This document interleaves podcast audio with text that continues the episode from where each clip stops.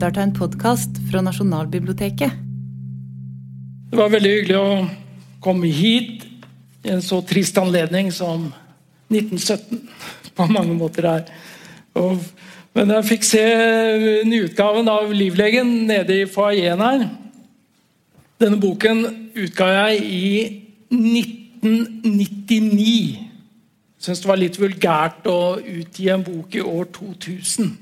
Det ble liksom så Men 99 og 2001 og de fleste andre år. Det betyr at jeg skrev denne romanen om tsarfamiliens siste 78 dager. Da er vi altså ikke i 17, men i 18. Før jeg begynte på verket om Håkon og Maud. Så min inngang er til den norske kongefamilien er den russiske tsarfamilien. Og til og med tittelen Håkon og Maud er jo egentlig en refleks av Nikolai og Alexandra. For min del begynte turen i 1970, da jeg leste den på mange måter nyskapende biografien til Robert Key Massey, som het 'Nicholas and Alexandra'. Eh, og som da var skrevet på grunnlaget av de foreliggende kilder i Vesten. Og det som var kommet ut i 1918 og tidligere, med andre ord. Først på 90-tallet så åpnet jo de russiske arkivene seg. Og for oss som da var interessert i det russiske tsardømmet, så var jo det en åpenbaring. At russerne selv også begynte å formidle sin historie. Og Ganske særlig Edvard Rasinskis bok om tsar Aleksander var eh, for meg eh, grensesprengende å lese. Og alle disse kildene da, som ble publisert, samlet jeg i disse 78 døgnene, hvor mitt mål egentlig er å stille det russiske dynastiets diagnose. Når livlegen sitter sammen med tsarfamilien sine pasienter, og dette er helt reelt, i Ekaterinburg, så er det hans indre oppgave å finne ut hvorfor er vi her. Hva var det som gikk galt? Og hvorfor står vi snart med ryggen mot veggen? Foran dette drapet som ble portalen til det 20. århundre. Fyrstemord hadde vi hatt mange av, ikke minst i starten av 1900-tallet. Og man drepte ikke bare kongen eller keiseren, man drepte gjerne også keiserinnen eller tronfølgeren. Det skjedde i Sarajevo, som vi vet. Det skjedde i, Bos i Serbia. Det skjedde i Portugal. Det nye i Ekaterinburg, var ikke at man skjøt keiseren og keiserinnen og tronfølgeren, men man skjøt også døtrene. Som var politisk irrelevante. De ble myrdet i kraft, ikke av sin stilling, men så å si av sin fødsel. Og det var innledningen på den røde terror.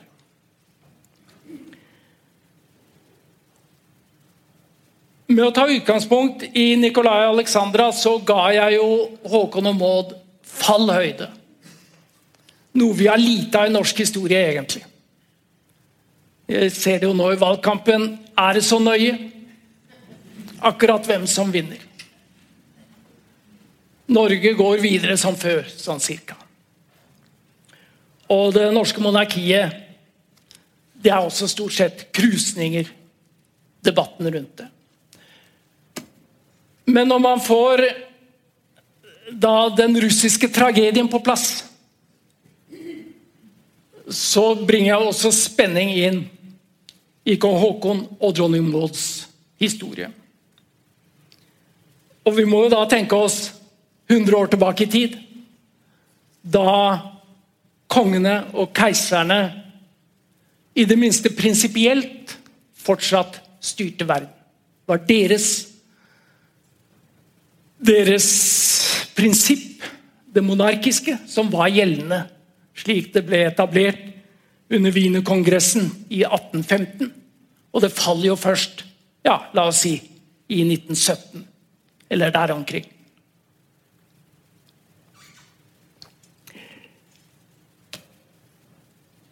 Da jeg begynte mine arkivstudier til K. Haakons og dronning Mauds biografi, så måtte jeg jo også vende blikket mot Russland. Kort repetere at Håkon 7. og tsar Nikolai var jo fettere. Dronning Maud og tsar Nikolai var også søskenbarn. Det var jo også Håkon dronning Maud. Og dertil var den russiske tsarinaen Alexandra Mauds kusine. Hun er jo halvt engelsk, halvt tysk av bakgrunn. Og dette betød at Maud og Alexandra hadde mye kontakt i barndommen. Alexandra var mye i, i England som dronning Victorias barnebarn. De var nære venninner. Og de andre møttes jo alle på Fredensborg i, utenfor København hver eneste sommer. Dette monarkiske redet som bygde seg opp rundt den danske kongefamilien, og som impliserte både det britiske og det russiske imperium. Der var for øvrig Det ble snakket alle språk, selvsagt. Eh, det var også tyske og franske eh, og Balkan var implisert. Men hovedsakelig var engelskspråket. Det franske var allerede på vei ut i fyrstelige sammenhenger, selv om russerne var av de siste som holdt fast ved det. Og her blir da disse fetterne og kusinene nære venner og kamerater som møtes da ikke bare et par uker, men gjerne et par måneder hver eneste sommer. Så det er etablert et ganske tett forhold eh, innad i dette fyrstehuset. Noe av det første som ble gjort, var å ta kontakt med arkivene i Moskva. Eh, det, det russiske statsarkivet.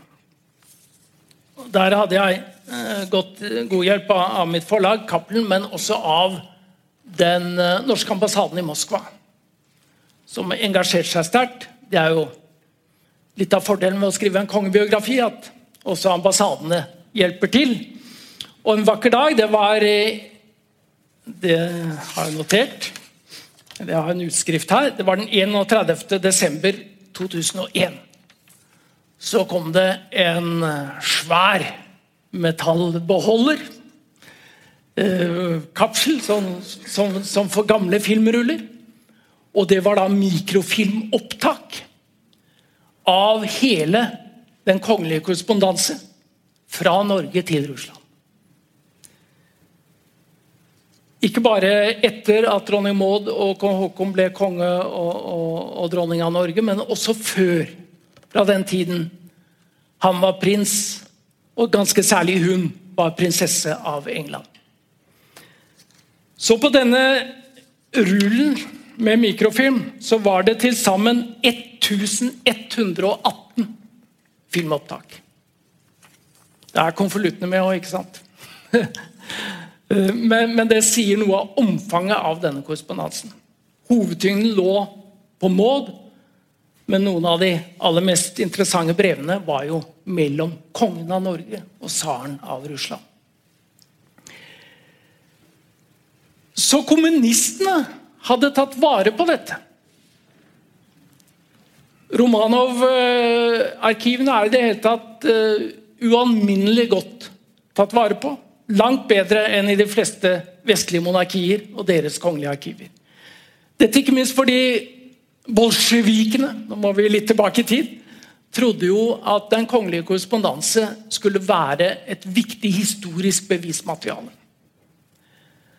Dessverre for dem så var det aller meste rene menneskelige dokumenter. Eh, med begrenset politisk betydning. Men selvsagt noe må det ha vært. Og det ble tatt godt i vare på. Altså over 1000 opptak her. Hva lå så på Slottet i Oslo den dagen jeg begynte? Enkelt sagt ingenting. Det var, fantes ennå ikke noe kongelig arkiv i Norge. Eh, men jeg fikk adgang til å se uregistrerte papir. Jeg satt eh, et par år nede i stallen, som er blitt så flott pusset opp nå. Og der ble det gått igjennom mye av det gamle som var lagret der.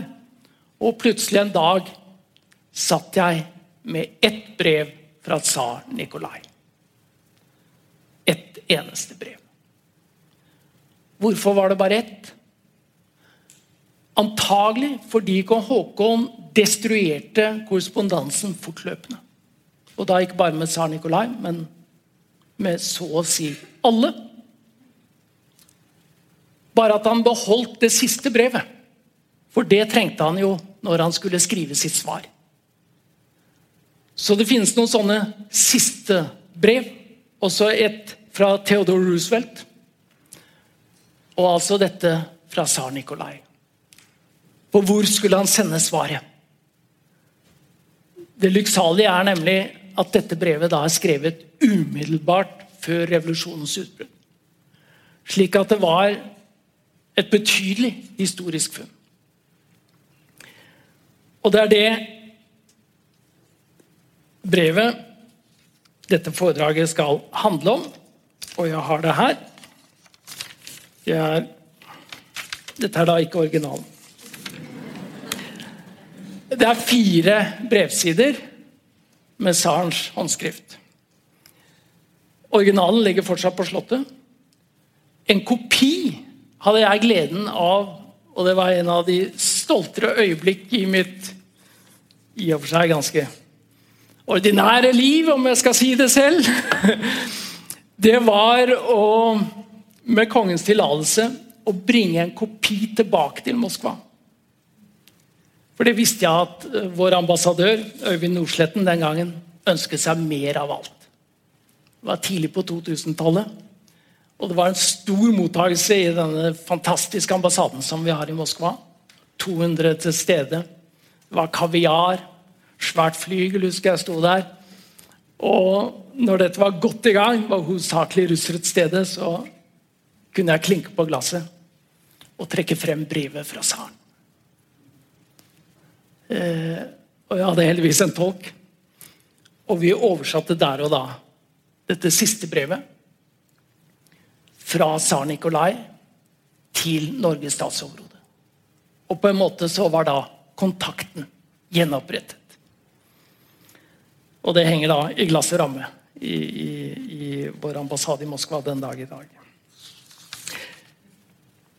I boken, der det er i det bindet, bind fire som heter 'Makten', at jeg omtaler dette i, i historieverket om kong Haakon, så gjengir jeg bare bruddstykker av brevet. Men jeg tenkte at vi her og nå skulle lese hele brevet. Fordi datoen alene sier at dette er meget spesielt. Det er jo trykket fra revolusjonen og flere generasjoners kommunistisk regime som ligger bak. Hele Sardem har jo feiret 300-årsjubileum, altså dynastiet Romanov, eh, bare noen år før. Og nå er det bare dager igjen, så er det slutt.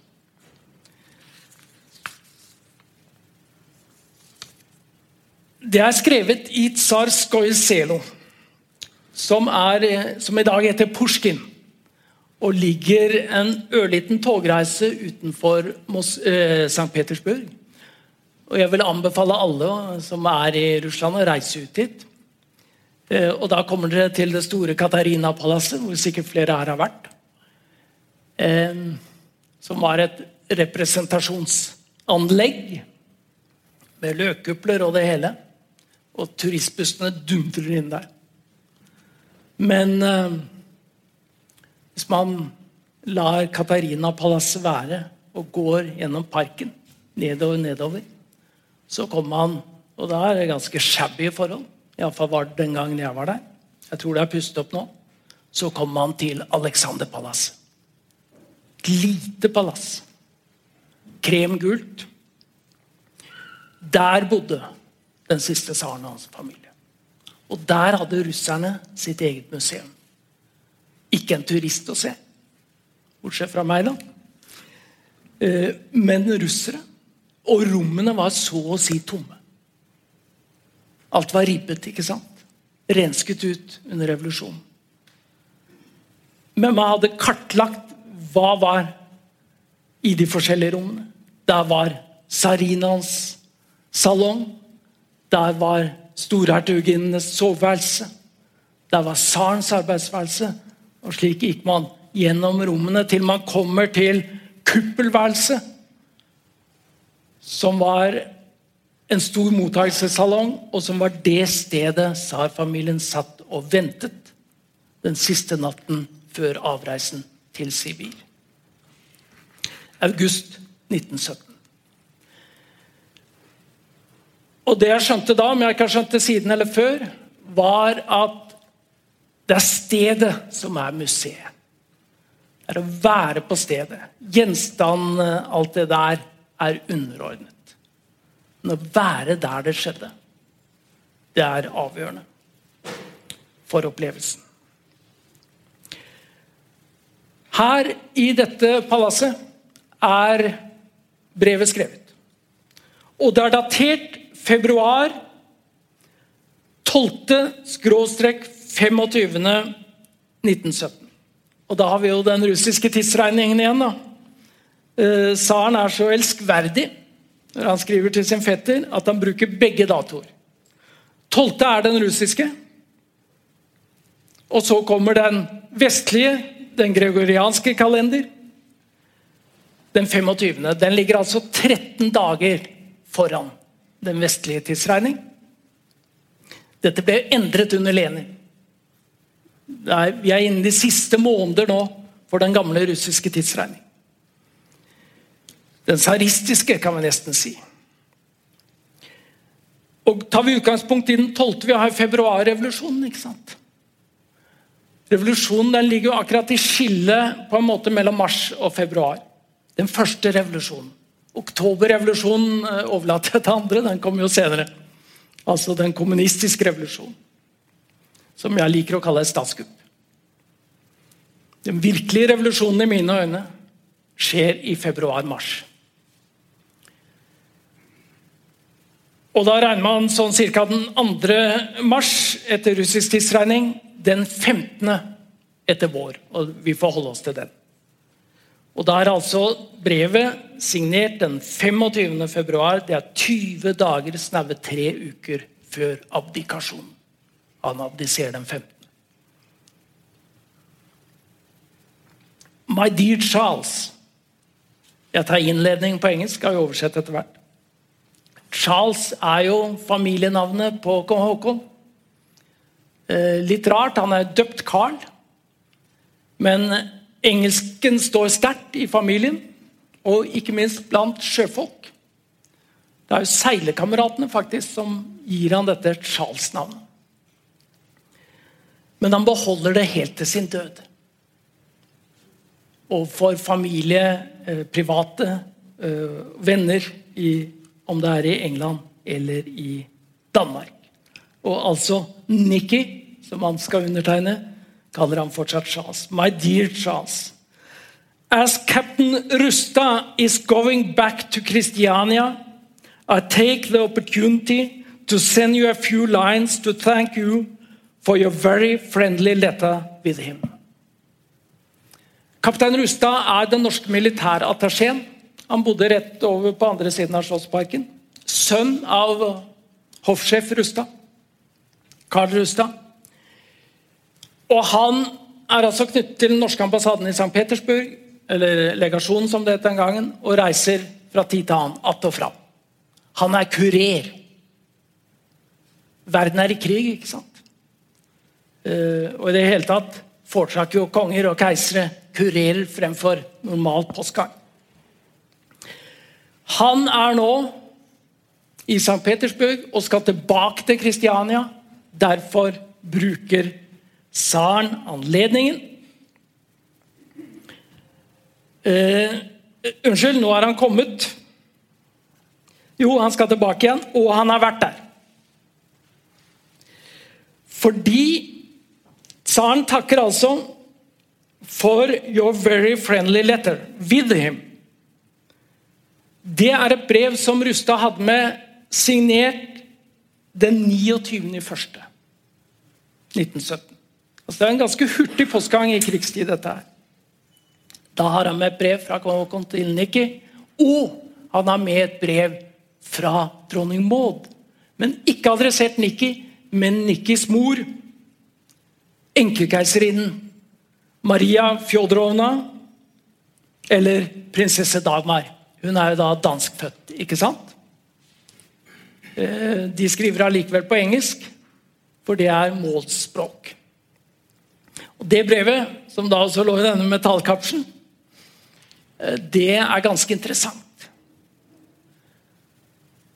Da skriver Maud og forteller om den norske vinteren. De har flyttet opp på Kongsseteren.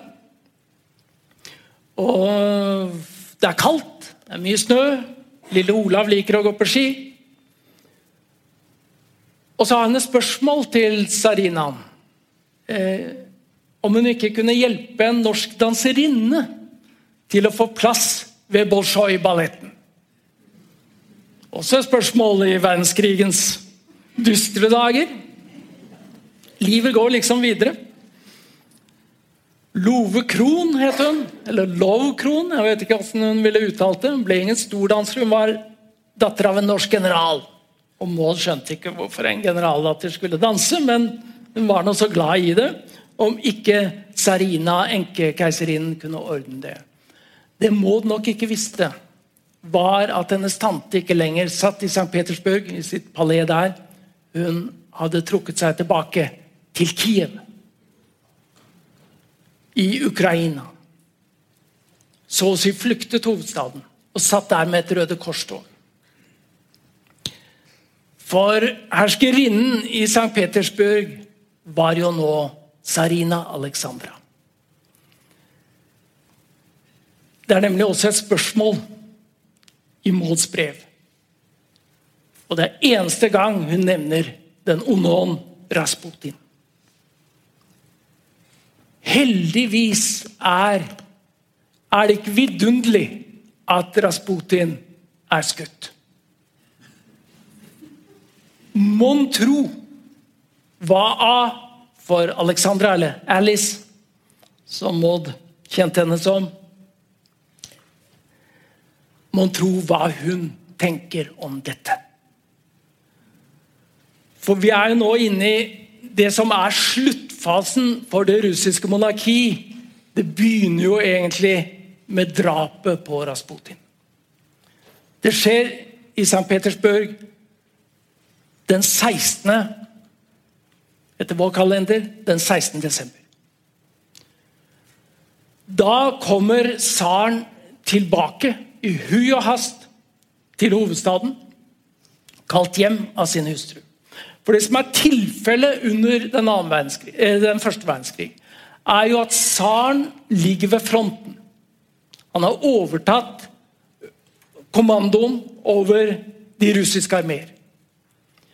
Tsarinaen sitter igjen i hovedstaden. Er den som i praktisk utøver regentens rolle. Hennes støttespiller var Rasputin. Men man skjønner snart at man har skutt feil person. Det er ikke Rasputin som styrer Russland, det er enkekeiserinnen. Nei, det er keiserinnen. Eh, som er autokrat. Vi skal komme tilbake til det. Så skriver Saren videre. Jeg tenker også så ofte på deg og ditt land. Dette er Norge. Nå har Saren mistet flere millioner soldater på slagmark. Og det er en uhyre hardt presset armé. Men han sitter og tenker på det fredelige Norge, som altså er nøytralt. Og bare har ille nok, men eh, noen hundre, etter hvert et par tusen sjøfolk på havets bunn. Det er Norges tap under, under første verdenskrig. Jeg tenker ofte på deg og ditt land, da vi alle vet hvilke vanskelige tider du har hatt og fortsatt har å gjennomgå. Det er jo som ironi, men jeg tror det er oppriktig ment. For så sier han ingenting er verre enn å skulle prøve å tilfredsstille to motsatte sider og to forskjellige meninger. Det er jo den nøytrales dilemma, ikke sant? Og når han sier at alle vet dette, ja, så er det de gamle dynastiene. Huset Glücksburg. De er kongen av England. Det er han, det er kongen av Danmark. Disse står jo i kontakt og hva er trist for Charles på Norges trone? Jo, at han ikke har falt ned på den riktige siden i krigen. For de hater jo prøysserne alle sammen. Og Da er det vanskelig å sitte i Norge og være tyskfiendtlig, hate Bismarck og Wilhelm 2. og allikevel være nøytral med det han selv oppfatter som en tyskvennlig regjering. Det kan jo lenge diskuteres. Og hvorfor føler Nikki dette så sterkt? Ikke bare av den grunn, men, og det kommer frem i det siste brevet han mottar fra sin kone Samme dag som Rasputin blir skutt, skriver hun til ham ved fronten. Jeg beklager igjen å måtte plage deg, min tålmodige, elskede mann. Men jeg må være motgift mot all den gift du får fra annet hold. Og Der er tsarens dilemma. Den giften Sarina snakker om, det er demokratiet. Russland er jo i prinsippet konstitusjonelt siden 1905. De er omtrent der vi var før 1884. Hvor tsaren fortsatt kan peke ut sine ministre. Eh, men hvor landet har en folkelig nasjonalforsamling. Og Der kommer presset om at tsaren skal utnevne en ansvarlig regjering. Ansvarlig overfor ikke tsaren, men de folkevalgte. Omtrent det vi opplever i 1884. ikke sant? Og tiden er overmoden. Det er bare det som kan avlaste presset også mot tsar Nikolai. Og dessuten demokratisere et folk som er i krig. Det er jo en nødvendighet når folket ofrer sitt blod på slagmarken. Den som ikke er enig i det, er motgiften Alexandra. Hun forsvarer autokratiet, eneveldet. Tsaren skal fortsatt styre i kraft av Gud og ingen annen. Og dette er det dilemmaet da Nikolai sitter med. Som gjør at han virkelig kan forstå hva det vil si å leve under kryssild av to forskjellige opinioner. Her om dagen så går han over til noe hyggeligere. Mottok jeg ingeniør Gorjakovskij. Som nettopp var kommet fra deg, og som var overveldet overveldet over din vennlige mottakelse. Oi, her er det kommet en russer fra Kristiania med melding til tsaren.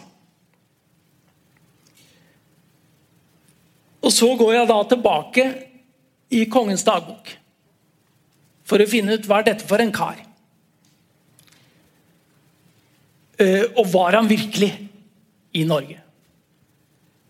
Adjutantens dagbøker registrerer han ikke som en normal audiens. Men kongen sitter i disse dager, som vi vet, på kongsseteren. Og den Den Jo, den dagen før han mottar ingeniøren, så har Rustad vært der og introdusert ham tydeligvis. Han tar kjelke ned. Det er ganske gøy. De akte jo i statsråd. Statsoverhodet. Ned til Slemdal. Der sto kjelken til han kom tilbake med trikken. og Så tok de med den opp. Og, og neste dag når han skulle på jobb, så var det kjelke igjen. Og sånn også med da eh, militærattaché Rustad. Han tar også kjelken ned etter å ha sagt i morgen må du ta, motta en russisk en russisk ingeniør. Og ganske riktig dette er den 27. i første. Så noterer kongen i sin dagbok klokken 11. Direktør Gorjakovskij, anlegger av Murmanskbanen. Det var det han var. Han er der én time. Så er klokken tolv. Tolv til halv to på ski. Murmansk. Dette er et viktig punkt. Fortsatt en dag i dag. Vi har vel konsulat der oppe. Men det er en helt spesiell historie som ligger bak. Fordi Og da har vi igjen korrespondansen å bygge på. I slutten av 1916, 29.10.1916, så kommer Fridtjof Nansen, kongens nærmeste venn og politiske fortrolige til Bygdøy og sier at uh, han er redd at Norge kan bli partert og gitt til Russland.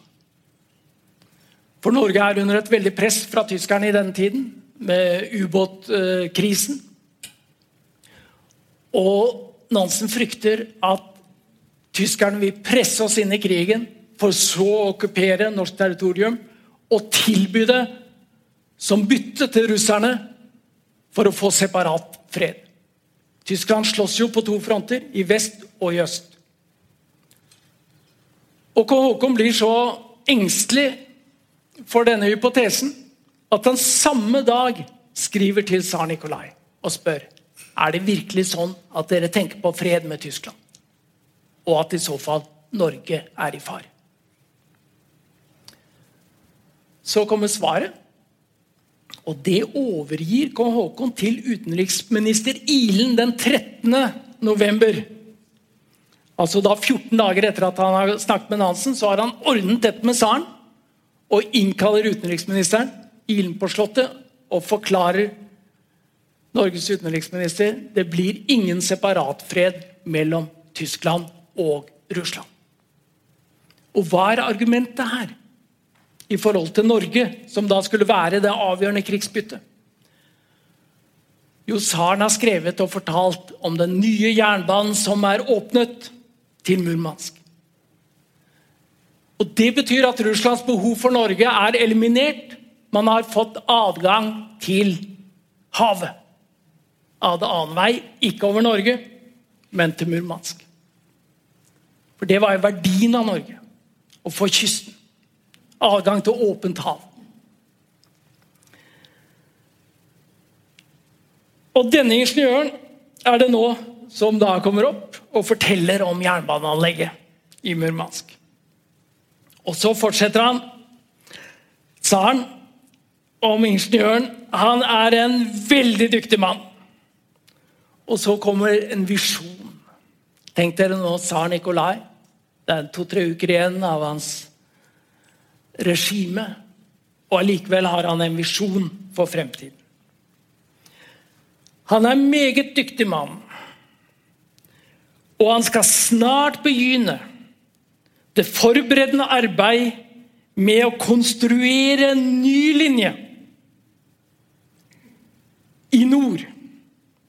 Som skal forbinde Murmansk-jernbanen med vår nordøstlige linje på en stasjon som kalles Kotlas. Denne nye ruten skal hjelpe våre sibirske produkter, slik at de kan bli brakt til Kvitehavet og til Romanov. Kotlas, dette knutepunktet, når man går inn på Atlas og ser, så gir det forbindelse til Romanov, som i dag heter Torajev. Ligger ved elven som går ned til Svarthavet. Og så den andre veien, mot Murmansk. Da har han begge verdenshavene innen rekkevidde. Og forsyningene fra det enorme Sibir av mat og, og andre ressurser kan da spres ut. Både innen Russland og ut av landet.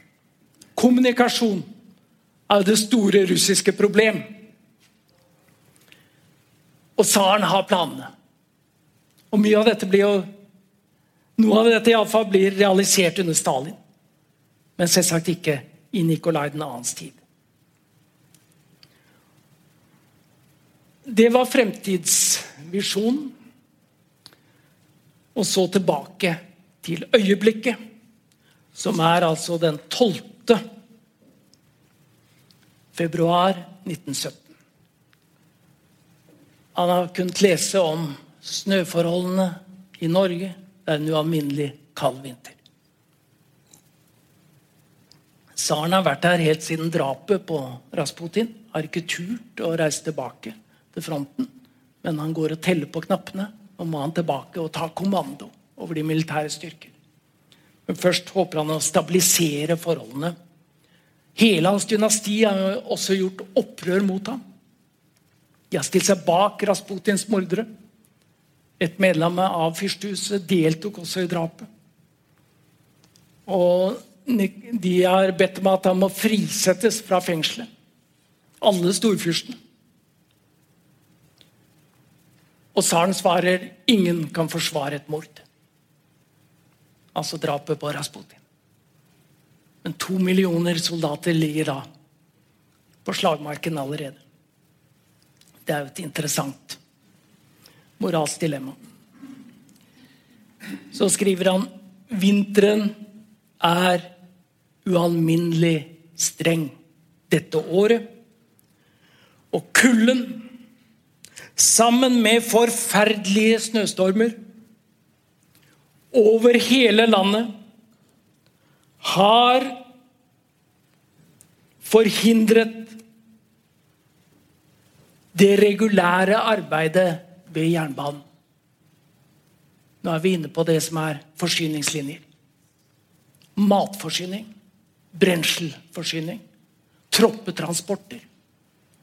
Dette er et enormt logistisk system under vinterkrisen og verdenskrig.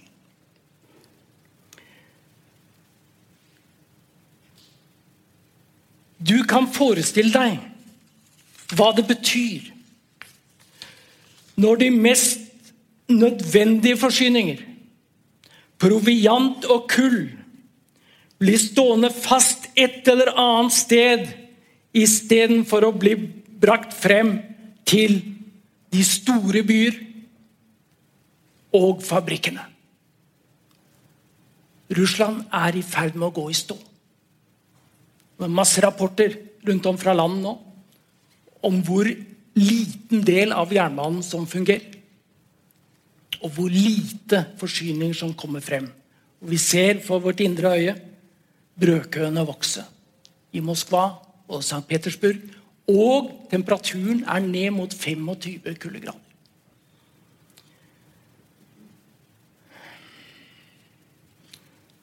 Så kommer det en avsluttende setning. Selvsagt gjør dette folk uneasy and nervous.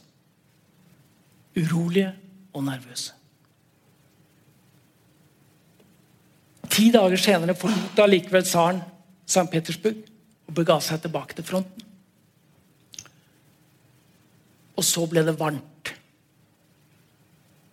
Og alle kom ut på gatene.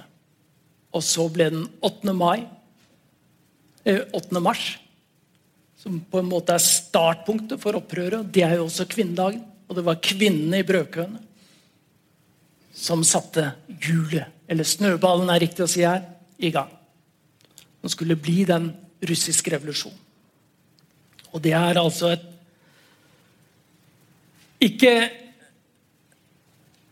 ikke krav om politiske reformer i utgangspunktet, men om brød. Og så kommer dette Dumaen, altså nasjonalforsamlingen, ble så å si tatt på sengen. Og måtte snu seg rundt veldig, veldig fort for å prøve å fange opp dette folkeopprøret eh, fra gatene. Mangelen på politisk lederskap var jo påfallende.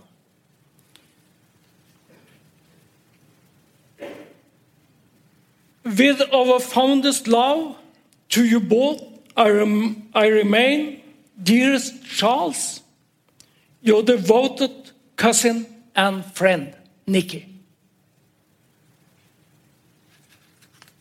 Der stanser brevet fra tsaren. Jeg ser at jeg har snakket en stund, så nå kan vi snart la revolusjonen være revolusjon. Eh, men beskjeden om revolusjonen, den får kong Haakon den 15. mars på Kongsseter mellom to skiturer, begge med Fridtjof Nansen. Og da har tsaren kjørt seg fast med sitt keisertog og abdiserer i Pskov, som er en liten by. Han kom aldri tilbake til St. Petersburg da opprøret brøt løs. Jernbanen fungerte ikke. Troppetogene blokkerte. Og han ble satt inn på et sidespor. Det er på en måte kommunikasjonene som iallfall nå på en overfladisk måte feller feller eh, tsardømmet. Der abdiserer han til fordel for sin sønn den blødersyke Sarevich, kong Olavs tremenning, som er tsar i én dag. Du kan se det på Aftenposten, f.eks., som vi har her i huset. Slå det opp. Bilde av Aleksej, den 13 år gamle tsaren. Barnekeiseren. Og det varer bare én dag. Så abdiserer tsaren på nytt. Han sitter i toget sitt han gjør et trekk i løpet av dagen før han mottar Dumans representanter. Han innkaller legen og spør hvordan er det egentlig med gutten. Vil han noen gang kunne regjere? Tja, han kan leve lenge, sier legen. Men du vil bli skilt ifra ham. Det er egentlig ikke en leges utsagn. Det er så å si et politisk utsagn. En eksar kan ikke regne med å bli i landet. Du må gå til England eller Danmark. Og, og sønnen din blir alene igjen. Det er egentlig argumentet som gjør at tsaren abdiserer for annen gang. Og da til fordel for sin bror. Dette er meget viktig.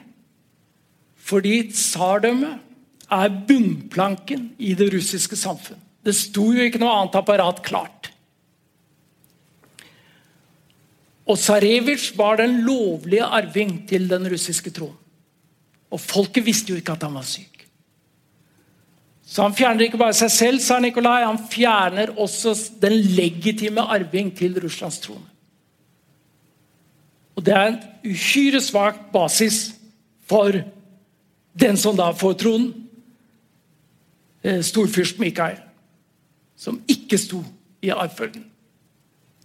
Og som også bare holder en dag før han sier til Duman jo takk, jeg tar tronen under den forutsetning at folket får stemme, slik de gjorde i Norge under Håkon den syvende. Den folkevalgte kongen. Dette sier han ikke, men det er jo påfallende at han forlanger i Russland å bli folkevalgt. Og den siste konge, storfyrst Mikael, tsarens yngre bror, møtte før verdenskrigen, det var kong Haakon.